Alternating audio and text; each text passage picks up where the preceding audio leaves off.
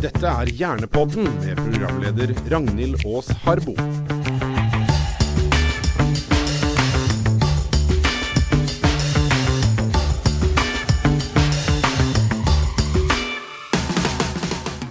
Alle vet jo at det er kjempeviktig å holde seg i form, og da tenker vi ofte på kropp. Altså Du skal trene, om det er å gå en tur eller svømme, fordi da holder du kroppen ung og sprek og sterk til å komme deg gjennom hverdagen, holde deg unna sykdom, og i tillegg så kan du forlenge livet omtrent. Det er ikke måte på hva aktivitet kan gjøre for deg.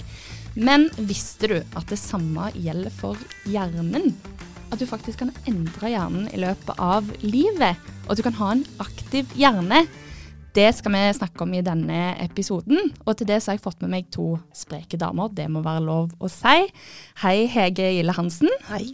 Du er, skal vi se om jeg får dette rett, du er indremedisiner, geriater. Så er du overlege ved seksjon for hjerneslag på Ullevål. Stemmer det? Det stemmer. Bare først, hva er egentlig det å være en geriater? Geriater er en som jobber med sykdommer som rammer eldre. Og da er det jo også inkludert hjernesykdommer. Ja, så, så, jeg er på en måte ekspert på aldersrelaterte sykdommer. Og da pleier jeg å si at da er jeg god på sykdommer, men da er jeg også god på, eller veldig opptatt av, sunn aldring. For hva skal da til for å ha en sunnest mulig aldring, også hjernealdring? Og ekspert på hjerne. Perfekt å ha deg her i dag. Men så har vi òg Agnete Kjæransen. Hei. Hallo. Du, eh, noen kanskje folk kjenner fra de tid som programleder i NRK på 70-80-tallet. Ja, hvis du er gammel nok, så. jeg må innrømme at jeg ikke gjør det. Ja. Men eh, hvilke programmer var det? Jeg hadde alt fra uh, nyheter uh, i Dagsnytt og Dagsrevyen til mine egne programserier. Jeg hadde en serie, det var veldig sosiale program jeg hadde som het Mennesker imellom som kanskje noen vil huske, for det var ganske mange programmer. Og I den andre enden så hadde jeg da eh, program 50 stykker med hund på ramme alvor.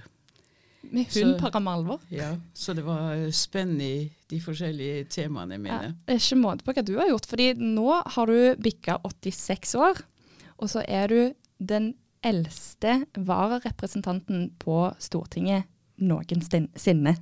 Stemmer ikke det? Det stemmer det. Jeg møtte i november i 2018. Eh, og da var jeg den eldste noensinne som hadde stått på talerstolen i Stortinget. Altså, gratulerer.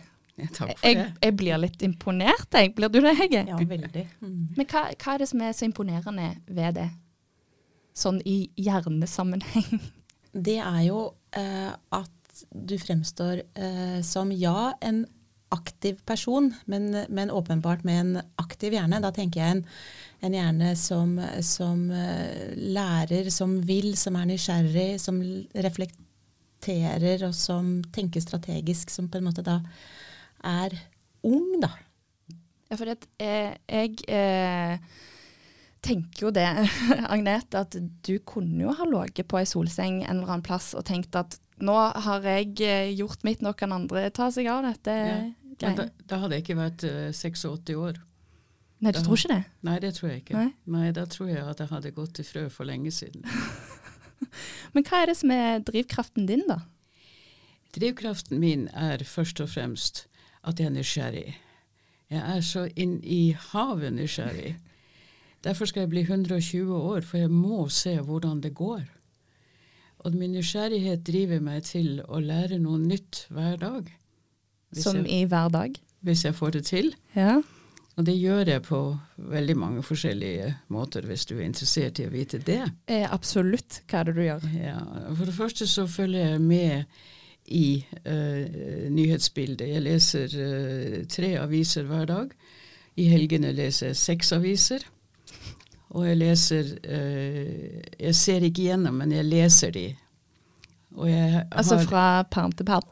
Start til slutt? Ja, det er vel kanskje litt hardt sagt. Men uh, jeg leser ikke sånn der uh, ramstoff. sånn som handler om folk, hva de gjør hjemme og ute og sånn. Det, det gidder jeg ikke. Men nyhetene? Nyheter ja. og uh, artikler som bringer nytt. Mm. Jeg er interessert i alt som er nytt.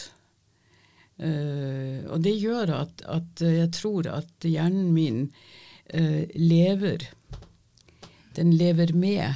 Mm.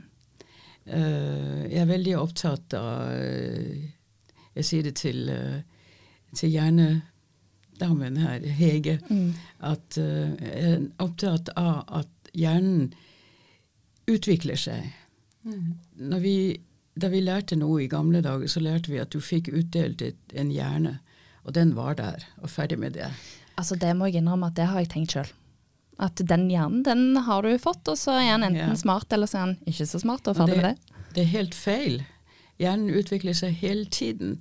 Og hvis du ikke sørger for å, å gi nytt stoff til hjernen, så stagnerer den. Og det er uh, en dårlig prosess å komme inn i. Det er derfor jeg sier Jeg går jo rundt og holder foredrag i hele landet om kunsten å bli gammel uten å bli det. og der er en, en av læresetningene mine, for å ta litt hardt i, det er lær noe nytt hver dag. Og det behøver ikke å være noe spesielt nytt. Du kan f.eks. begynne å bruke venstrehånden din litt mer enn du bruker høyrehånden, hvis du, er, hvis du ikke er kjevhendt. Ja, altså? Jeg må innrømme at jeg prøvde å pusse tennene mine med venstrehånd i dag, og det var en eh, merkelig opplevelse. og Jeg syns jo det er rart at det er en rar opplevelse i en alder av 28, at det er rart å pusse tennene. Men jeg må bare, jeg må bare um, forstå, lære noe her. Det har vi lært er viktig. Men hva er egentlig en uh, aktiv hjerne? Og nå ser jeg på hjernedamen vår Hege. Hva, hvordan ser en aktiv hjerne ut? Jeg prøver å se for meg uh, mange spreke nerveceller, og alle nervecellene har flere utløpere. Og de utløperne kommuniserer med neste nervecelle. Og jeg ser for meg en aktiv hjerne hvor det er mange spreke nerveceller med mange utløpere, og at signalene går fort og fleksibelt mellom dette, disse nervecellene, som danner et såkalt nettverk. Uh, og da støtter jeg deg helt uh, gjennom å ville lære noe, ville bruke hjernen, så vedlikeholder du og til og med utvikler flere utløpere og raskere tempo i hjernen, som gjør at du, du, vedlikeholder hjernen og trener hjernen hele tiden. Det er det som kalles hjerneplastisitet. At den kan trenes og utvikles. Og, og jeg ser på deg og lytter til deg, eh, og skjønner jo at du har et rikt nettverk, for her går det fort. Her er det um, robuste nerveceller som, som sender signaler eh, mellom hverandre. Eh, og Men- du har helt rett. Det handler om å hele tiden utfordre hjernen for å vedlikeholde og utvikle det nettverket. Men, men hvorfor er det så, um, så viktig å ha disse aktive nervecellene? Ja, Jeg merker jo på deg eh, allerede, Agnete, at du, du, du reflekterer. eh, og du resonnerer raskt. Så det handler jo noe om å opprettholde denne si, fleksibiliteten i hjernen. Tempoet, det å henge med. Eh, det er det ene. Og det andre handler jo om at du også utvikler et, et, et mer robust nettverk til å tåle hvis du skulle bli syk. For jeg jobber jo veldig mye med mennesker som rammes av akutt sykdom eller kronisk Mm. eh, kronisk sykdom. Og da merker jeg jo at de som har et rikt nettverk, de tåler sykdom bedre og kommer seg bedre. Eh, Så det gir deg jo en, det gir deg en motstandskraft også. Sånn at det sikrer jo både en sunnere aldring og en, en, en mer robust hjerne hvis du skulle rammes av sykdom. Tror du det har hjulpet deg, Agnete? Ja, det, jeg tror det ikke bare, jeg vet det. Ja. Eh, For to år siden så var jeg uheldig og falt og slo meg eh, og, og brøt av tre ribben rett inne ved, ved ryggsøylen. Og ble liggende i tre uker på et spansk sykehus Nei, med intravenøs uh, eh, smertestilling. Og hvis jeg, hvis jeg ikke hadde vært uh, i den form jeg var på det tidspunktet, så uh, hadde jeg ikke klart det, ganske enkelt. Både kroppslig og uh, hjernemessig. Fordi selv om jeg hadde vondt, så kunne jeg jo tenke. Og lærte mye i forhold til de som, det som foregikk rundt meg. Lærte faktisk noe nytt hver dag der òg. Du benytter deg av anledningen til å lære litt. Men Det er å ta det på mest positive måte og Ja. havne på sykehuset, altså. ja. Men jeg syns det er fint det du sier med å lære noe nytt. fordi det det handler om er at du må være såpass aktiv i måten du bruker hjernen på, at du vil lære det. Som du sier, du leser ordentlig. Nettopp fordi du har tenkt til å huske det du leser. Eh, Så du må jo være både konsentrert og sånn sett reflektere rundt det du leser. Mm. Men det jeg er litt opptatt av, er hvordan Du sier at du er så nysgjerrig. Har du alltid vært det? Nysgjerrig har jeg vært hele mitt liv, og det er jo ikke uten grunn at jeg ble journalist. Selv om jeg ble det i voksen alder. Men øh, ja, jeg har vært nysgjerrig bestandig. Ikke nysgjerrig i den forstand som folk vanligvis tenker, at jeg er interessert i hva andre gjør og sånn, men nysgjerrig på hvordan alt henger sammen, og hvordan det forholder seg til de forskjellige mennesker, det dyr, alt. Altså interaksjonen mellom, mellom mennesker, f.eks., det, det er jo veldig spennende. Tradisjonelt regner vi at mennesket har fem sanser. Smak, lukt, syn, hørsel og følesans. I realiteten har vi mange, mange flere. Deriblant likevektsansen, som får oss til å skjønne hva som er opp og ned, og som sørger for at vi ikke faller.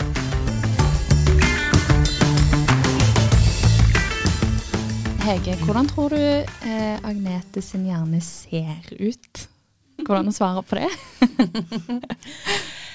um, jeg som da jobber med hjernesykdommer, kan jo ta bilder av hodet. Så vi kan jo ta CT-bilder og MR-bilder, eh, som gjør at vi kan se på strukturelle eh, forhold i hjernen. Um, og da er det jo sånn at en, en, en, veldig ung hjerne har på en måte fyller hodet eller hjerneskallen mer enn en litt aldrende hjerne. Krybbe som et eple som eh, Det hørtes, hørtes altså, en normal aldring, og det handler om hele kroppen, handler jo om at man taper noe reserver, som vi sier. Det vil si at vi, vi taper jo litt muskelstyrke. Vi taper jo eh, hvordan hjertet pumper. Vi taper jo litt lungefunksjon. Det er nedgang i alle organsystemer, inkludert hjernen. Sånn at en normal hjernealdring handler om en viss grad av skrumpning, ja. Mm. Det gjør den.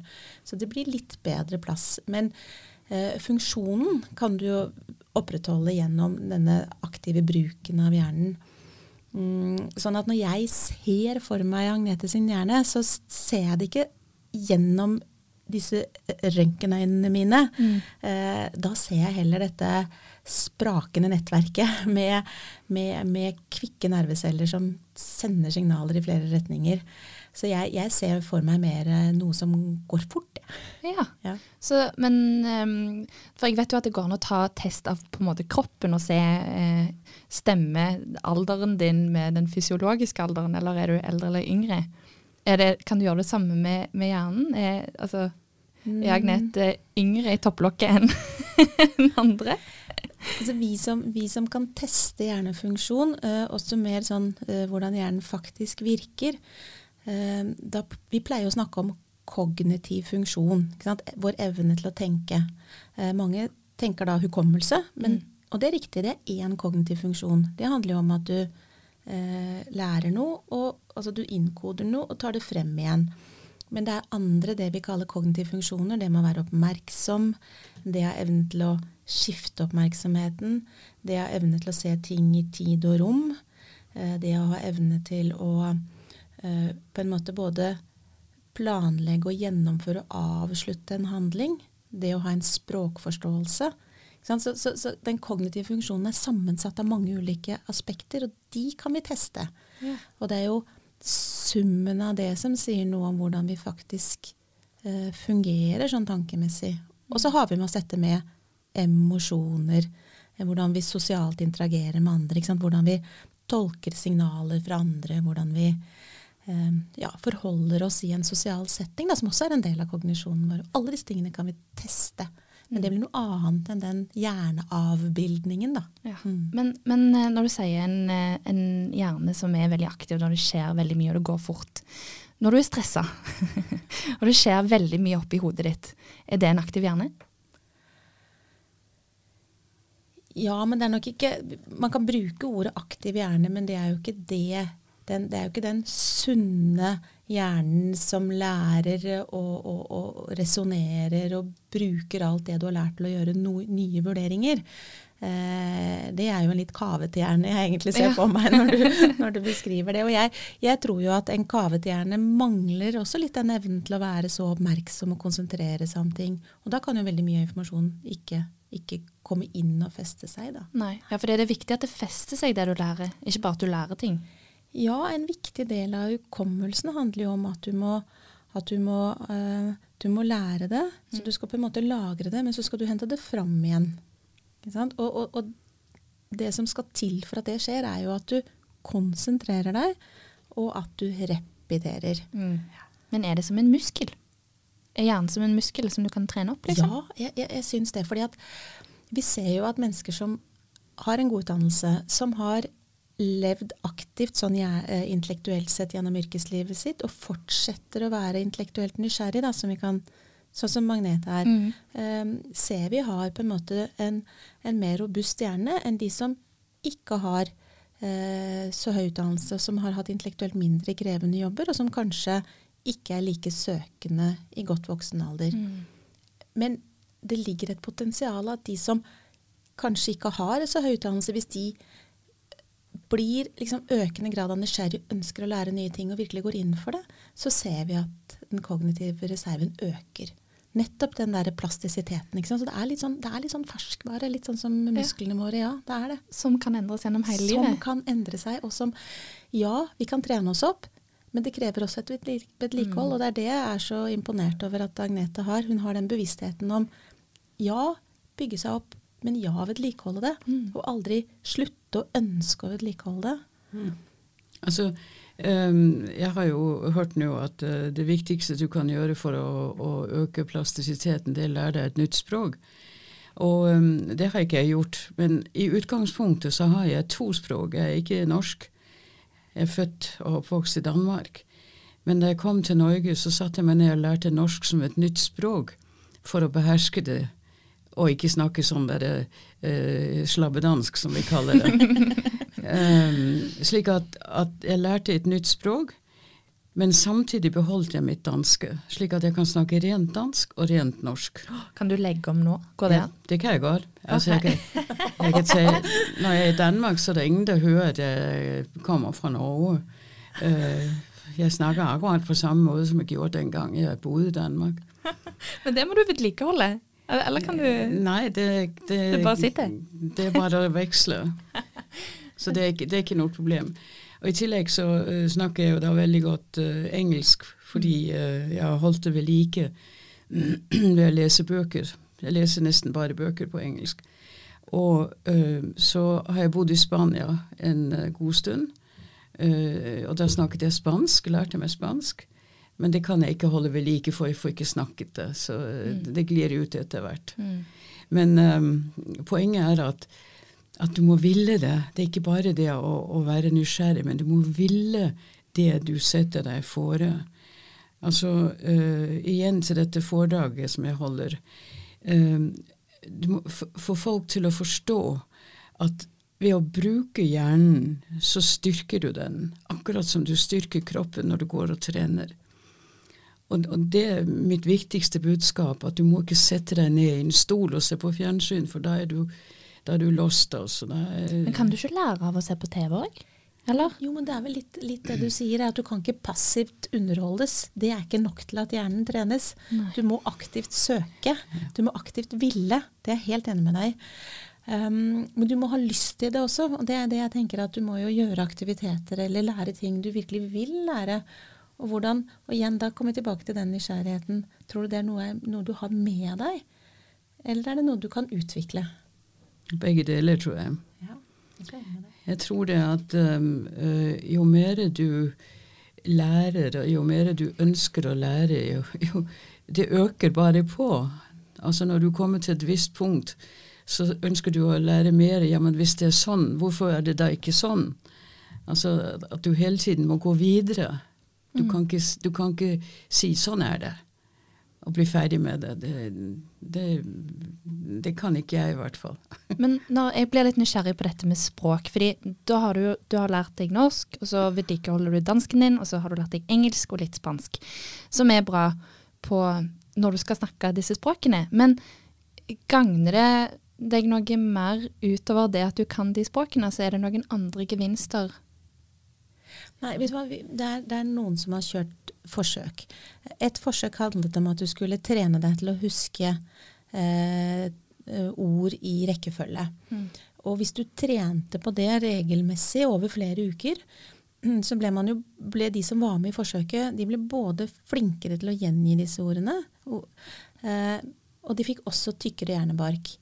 Eh, men det betød ikke at de var bedre til å huske det de skulle handle i butikken. Sånn at du blir bedre på det du trener på. og Ja. Det betyr at du må egentlig trene på veldig mange ting du ønsker å vedlikeholde eller bli bedre på. Mm. For det er, det er sånn at ja, du blir bedre på det du trener på, samtidig som vi tenker at det kan ha en effekt på hvor fleksibel du blir. Men det du vil lære, må du faktisk øve spesifikt på. Mm. Så, så du, kan, eh, du kan trene opp eh, språk, men eh, da er det språk du blir god på, på en måte. Mm. Men du får tykkere hjernebark. Er det en bra ting å ha? Det er en veldig bra ting, for det er jo på en måte Da har det skjedd um, Jeg hender jeg også holder foredrag, og da refererer jeg ofte til et, eh, et forsøk som ble gjort av um, taxi, de som skulle ta taxisertifikat i London. For hvis du skal få taxilappen, så må du lære deg jeg tror det er ca. 25 000 veier og 20 000 landemerker eller noe i den duren. Eh, og det tar fire år. Og halvparten av de som gikk på skolen, de besto. Det betyr at du har lært det.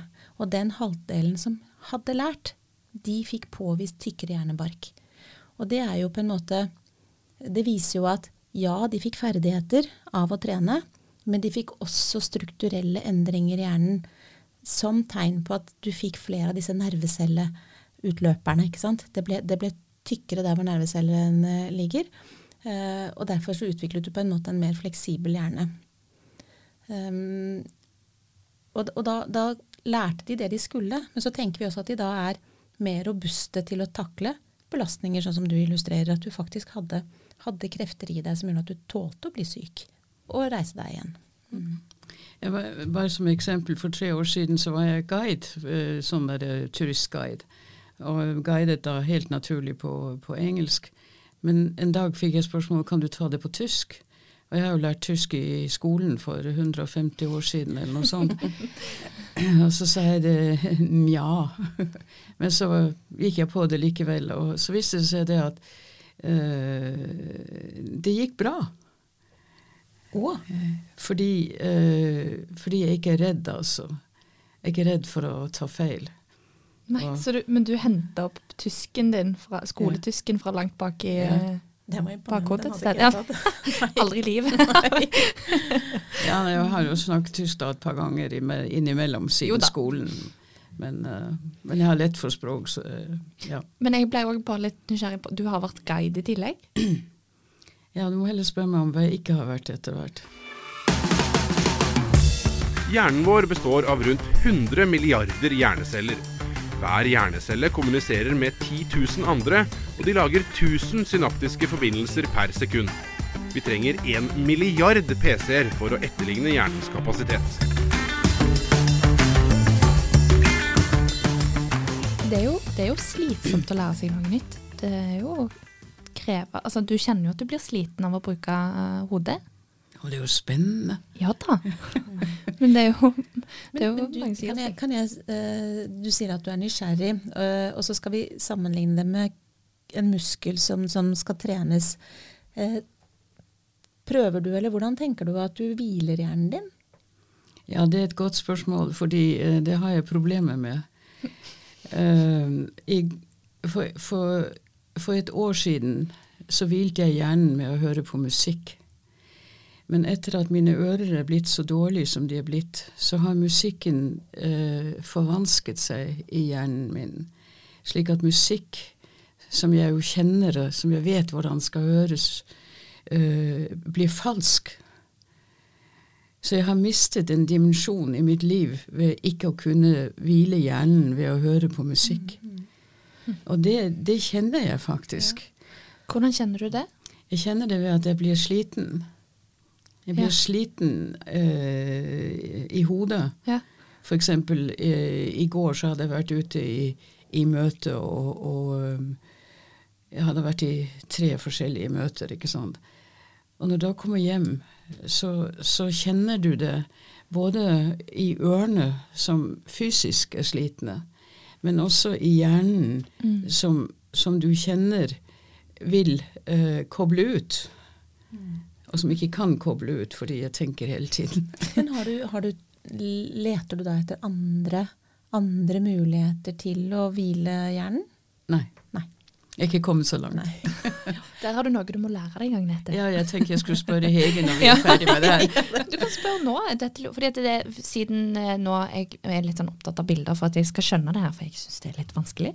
Men at hjernen er, hvis hjernen er som en muskel da, som kan trenes opp, så er jo restitusjon òg viktig. Iallfall i muskelsammenheng så må du òg slappe av for å kunne bygge opp. Er det sånn med hjernen òg? Vi vet som sagt at eh, aktiv bruk av hjernen eh, stimulerer da til eh, et bedre nervecellenettverk. Eh, så vet vi ikke så mye om eh, viktigheten eller behovet for hvile. Eh, men vi vet jo at en del stress og strev eh, kan ledsages av det vi kaller inflammasjon, altså noe som på en måte tærer på hjernen. Så i dette grenselandet så ser det veldig tydelig ut som du trenger en eller annen form for hvile. Er det liksom søvn, eller er det Eh, mer ja, det er søvn. Eh, men det er nok også eh, noe som handler om stressmestring. mm. Eh, og så er det jo dette som jeg egentlig da eh, stilte Agnete spørsmål om, eh, om hun har behov for hvile. Og da er vi mer på eh, hva jeg tror. Og jeg tror jo litt sånn som muskelen, Mm. eh, at man trenger tid til restitusjon, og at kanskje man må tidlig i livet være, bevisst på hvordan restituerer jeg, hvordan henter jeg meg inn, og hva er godt for meg. For det er jo litt det samme som det å lære. Du må være nysgjerrig og ville lære det. Samtidig så må du jo finne former som gjør at du faktisk slapper av. Og der er vi også ulike. Mm. Um, du sier musikk. Ja, det tror jeg er veldig, veldig riktig. Eh, men du må jo, for at du skal faktisk slappe av, så må du jo gjøre ting som er, behager deg. Og det er jo litt du som må være med å finne ut hva som behager deg. Ja. Ehm, da kan jeg si det at ehm, eh, den siste helgen nå, 17. mai-helgen og dagene etter, har det vært sommer i Nord-Norge.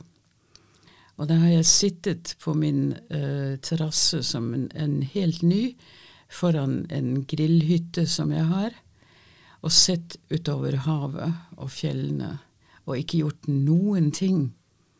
Og det kaller jeg for hvile. Da hadde jeg gjerne hvile. Så det å se utover havet er ja. litt sånn meditasjon, nesten, høres det ut som. Ja. ja. Mm. Jeg òg trenger å komme meg ut, kanskje gjøre noe fysisk, fordi da vet jeg at det igjen For her òg oppe i topplokket mitt så ruller det og går hele tida. At jeg tenker på, på jobb eller ting jeg skal fikse eller ting jeg må gjøre og i det hele tatt. Så det, det å mm, Jeg har lært hodet mitt til at når jeg f.eks. gjør yoga, så skrus det helt av oppe der. Hvis ikke så bare ruller det og går hele tida. Har du noen sånne triks, Hege? Ja, jeg danser klassisk ballett. Du gjør det! Ja, og det er litt det samme. fordi at hvis jeg skal konsentrere meg om hvordan kroppen min beveger seg, og, og, og eh, hvilken øvelse jeg skal gjøre, samtidig som jeg skal lytte til den vakre musikken, da er det ikke plass til jobben min. Og det tror jeg er veldig lurt. At jeg også da får min mentale yoga i å være i den dansesituasjonen. Mm. Men, har du, men eh, er det bra for en aktiv hjerne det å Fordi du lærer deg jo noe nytt når du danser, gjør du ikke det? Ja, det er også noe av det som er med til å bygge dette nettverket. Det å lytte til musikk, og det å danse. Og noe som heter sånn tai chi, det er veldig studert, bidrar til en, en forsinket utvikling av dette med kognitive vansker. Så det er vist å bygge, bygge reserver. Så ja, Yes. dans og musikk, ja. Men nå liker jeg det veldig godt òg, da. Så det er ekstra lett det det gjør vel de, de fleste av oss, egentlig. Men, men um, uh, så, ok, så hjernen kan forandre seg. Du kan uh, holde den ung og frisk. Langt inn i 80-90-100-åra, hvis en skal Jeg, som sagt, jeg skal bli 120. 120. Det høres egentlig ikke ut som 120 nok for deg, hvis du skal Nei, men altså, jeg, jeg kjenner jo eh, menneskets begrensning, og selv om de sier nå at den første 150-åringen er allerede født, så eh, tror jeg ikke er den generasjonen hvor vi blir 150, men eh, hvorfor ikke 120? Altså, det, jeg skal følge spent med. Men, men vi, ser jo, ser jo det at mennesker Det er gjort en studie av, av nonner. For de lever jo under ganske sånn like, like vilkår. Eller de lever liker og lettere å studere. Da har man jo sett at de nonnene som tidlig i 20-årene rapporterte positiv livsinnstilling, lever lenger enn sine medsøstre. Så det er jo noe med innstillingen du har også. Er du positiv som type? Jeg er super, super positiv. jeg vet ikke, jeg kjenner ikke ordet negativ. har du alltid vært sånn? Mm. Sånn er det bare. Ja, ikke sant? jeg har lest veldig mye om de, de åtte uh, blå soner i verden hvor folk blir utgammel. Ja. Og det er veldig spennende, det også. Mm. også. Vi skal ikke komme inn på det her, for det fører litt for langt. Men det er folk som, som lever uh, enkelt og uh, sunt, og som derav, derfor lever lenge. Men akkurat hvor deres hjerneaktivitet er, det vet jeg ingenting om. Mm. Nei, de har, men de, de, er vel Jeg har også lest en del om disse, spesielt i Japan. og um, Men det er jo sammensatt, som du sier. Det er nok kost, det er nok hvordan de Sånn sosial tilhørighet. Det er noe med eh, kanskje hvordan religionen påvirker tankesett og levesett. Men det har nok også noe med eh, det å høre til sosialt eh, spise sunn mat i passe mengde. Eh, og, og, og, kanskje være da bevisst på å være fysisk aktiv. Mm, de må det, for de må passe på sauer og geiter. Mm, og mm. de må dyrke jorden, og den uh, lever de av. Så det, det, for det er, jo, det er jo viktig å si når vi snakker om en aktiv hjerne nå, så er jo aldri hjernen heller løsrevet fra hvor viktig det er at vi er fysisk aktive. Dette med hva vi spiser og mengden, dette med, med mm. søvn og mm.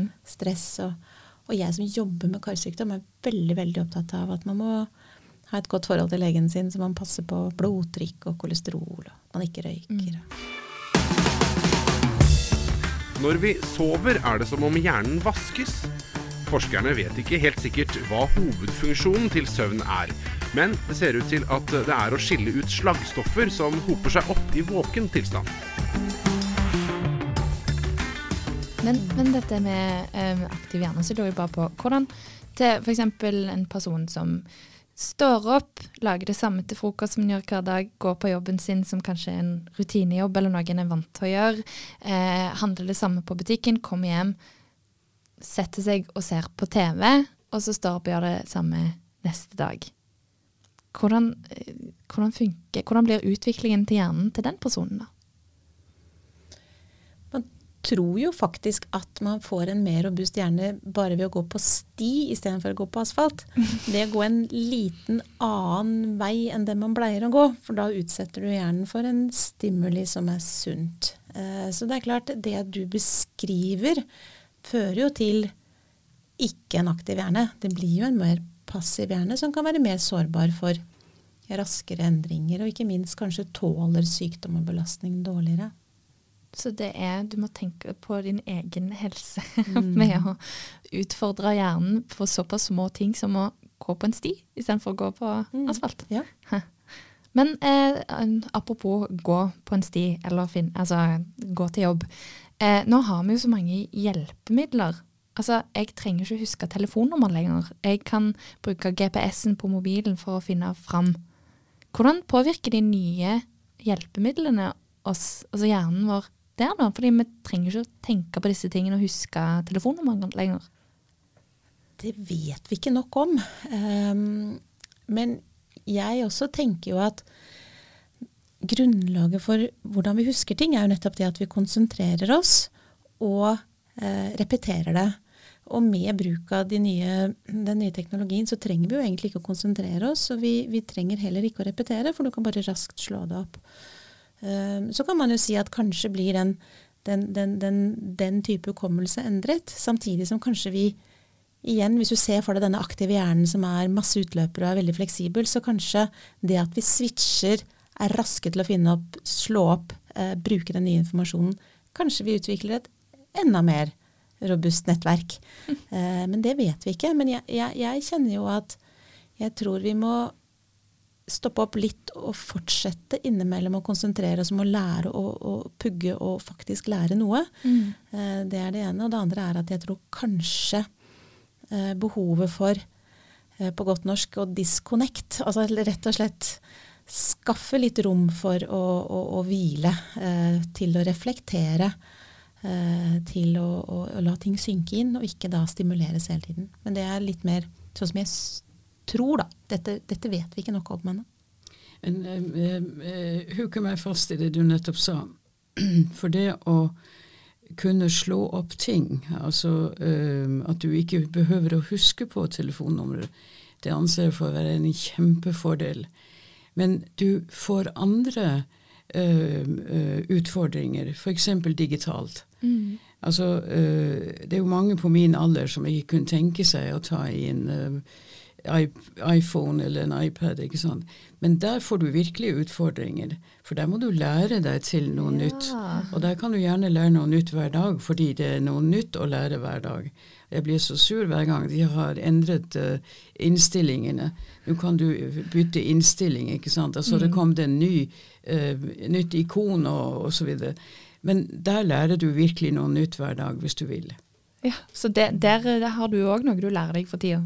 Mobil? Og data? Ja, jeg, jeg blir jo kalt for uh, den digitale bestemor. altså, jeg er ikke overraska. jeg må si, jeg må innrømme det, Agnete, at jeg nå er jeg meget imponert. Jeg kjenner jeg skal bli sånn som deg. Pushe 120. eller 130 eller 140, hva det blir. Men har du noen råd til meg, Agnete? En gang til. Har du noen råd til meg? Jeg er jo begynner å nærme meg 30, men liksom, hva kan jeg gjøre? Ja, jeg har uh, et par råd.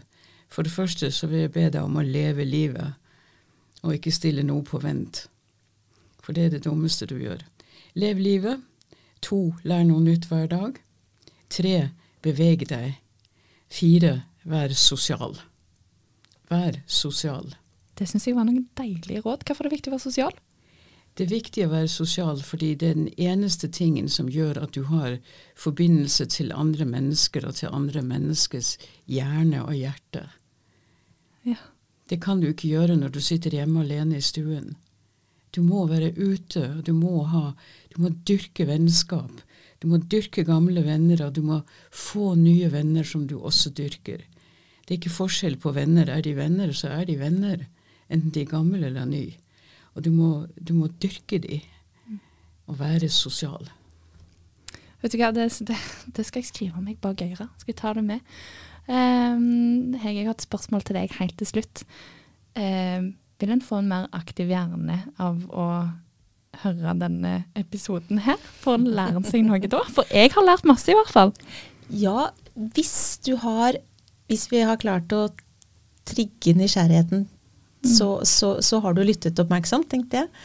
Uh, og hvis du har plukket opp noen av disse rådene, jeg syns jo Agnete summerte det veldig veldig godt. Mm. uh, denne nysgjerrigheten, dette med, med, med, å være fysisk aktiv, dette med å, å ta vare på, på folk uh, rundt deg. Um, og jeg tenker jo at vi også da skal legge til at det er nok viktig at vi sover. At vi sover godt og, og, og, ikke, ikke, for kort. Eh, og at vi, at vi, tenker litt på hvordan, hvordan la stress slippe tak i kroppen. Eh, at vi jobber litt med hvordan vi håndterer det. Um, men jeg tror, jeg tror uh, veldig, veldig, veldig på den nysgjerrigheten, og den tror jeg vi må vi må lære mer om hvordan vi hvordan, hvordan vekker vi nysgjerrigheten til mm. til folk rundt oss. Mm. Ja. Jeg har iallfall kjenner at jeg har lyst til å være mer nysgjerrig nå, eh, Agnete. ja. Jeg har bare én ting jeg har lyst til å si, og det er at, at du hele tiden må delta. Du må ikke sette deg på sidelinjen, du må delta. Du må finne det som interesserer deg å delta i. For min del er det blitt uh, politikken. For andre så kan det være Jeg hadde en, en kjæreste som tok flysertifikat da han var 80 år. Nei.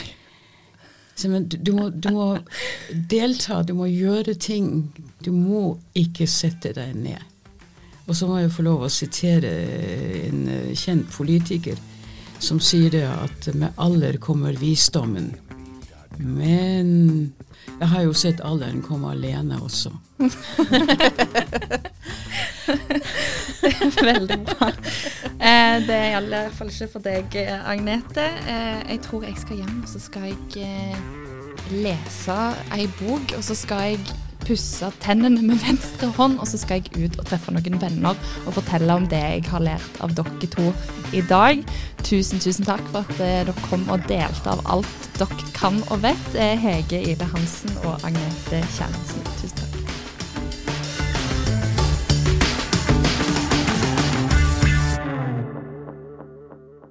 Denne Podkasten er produsert av Tid og Lyst for Hjernerådet med støtte fra Ekstrastiftelsen.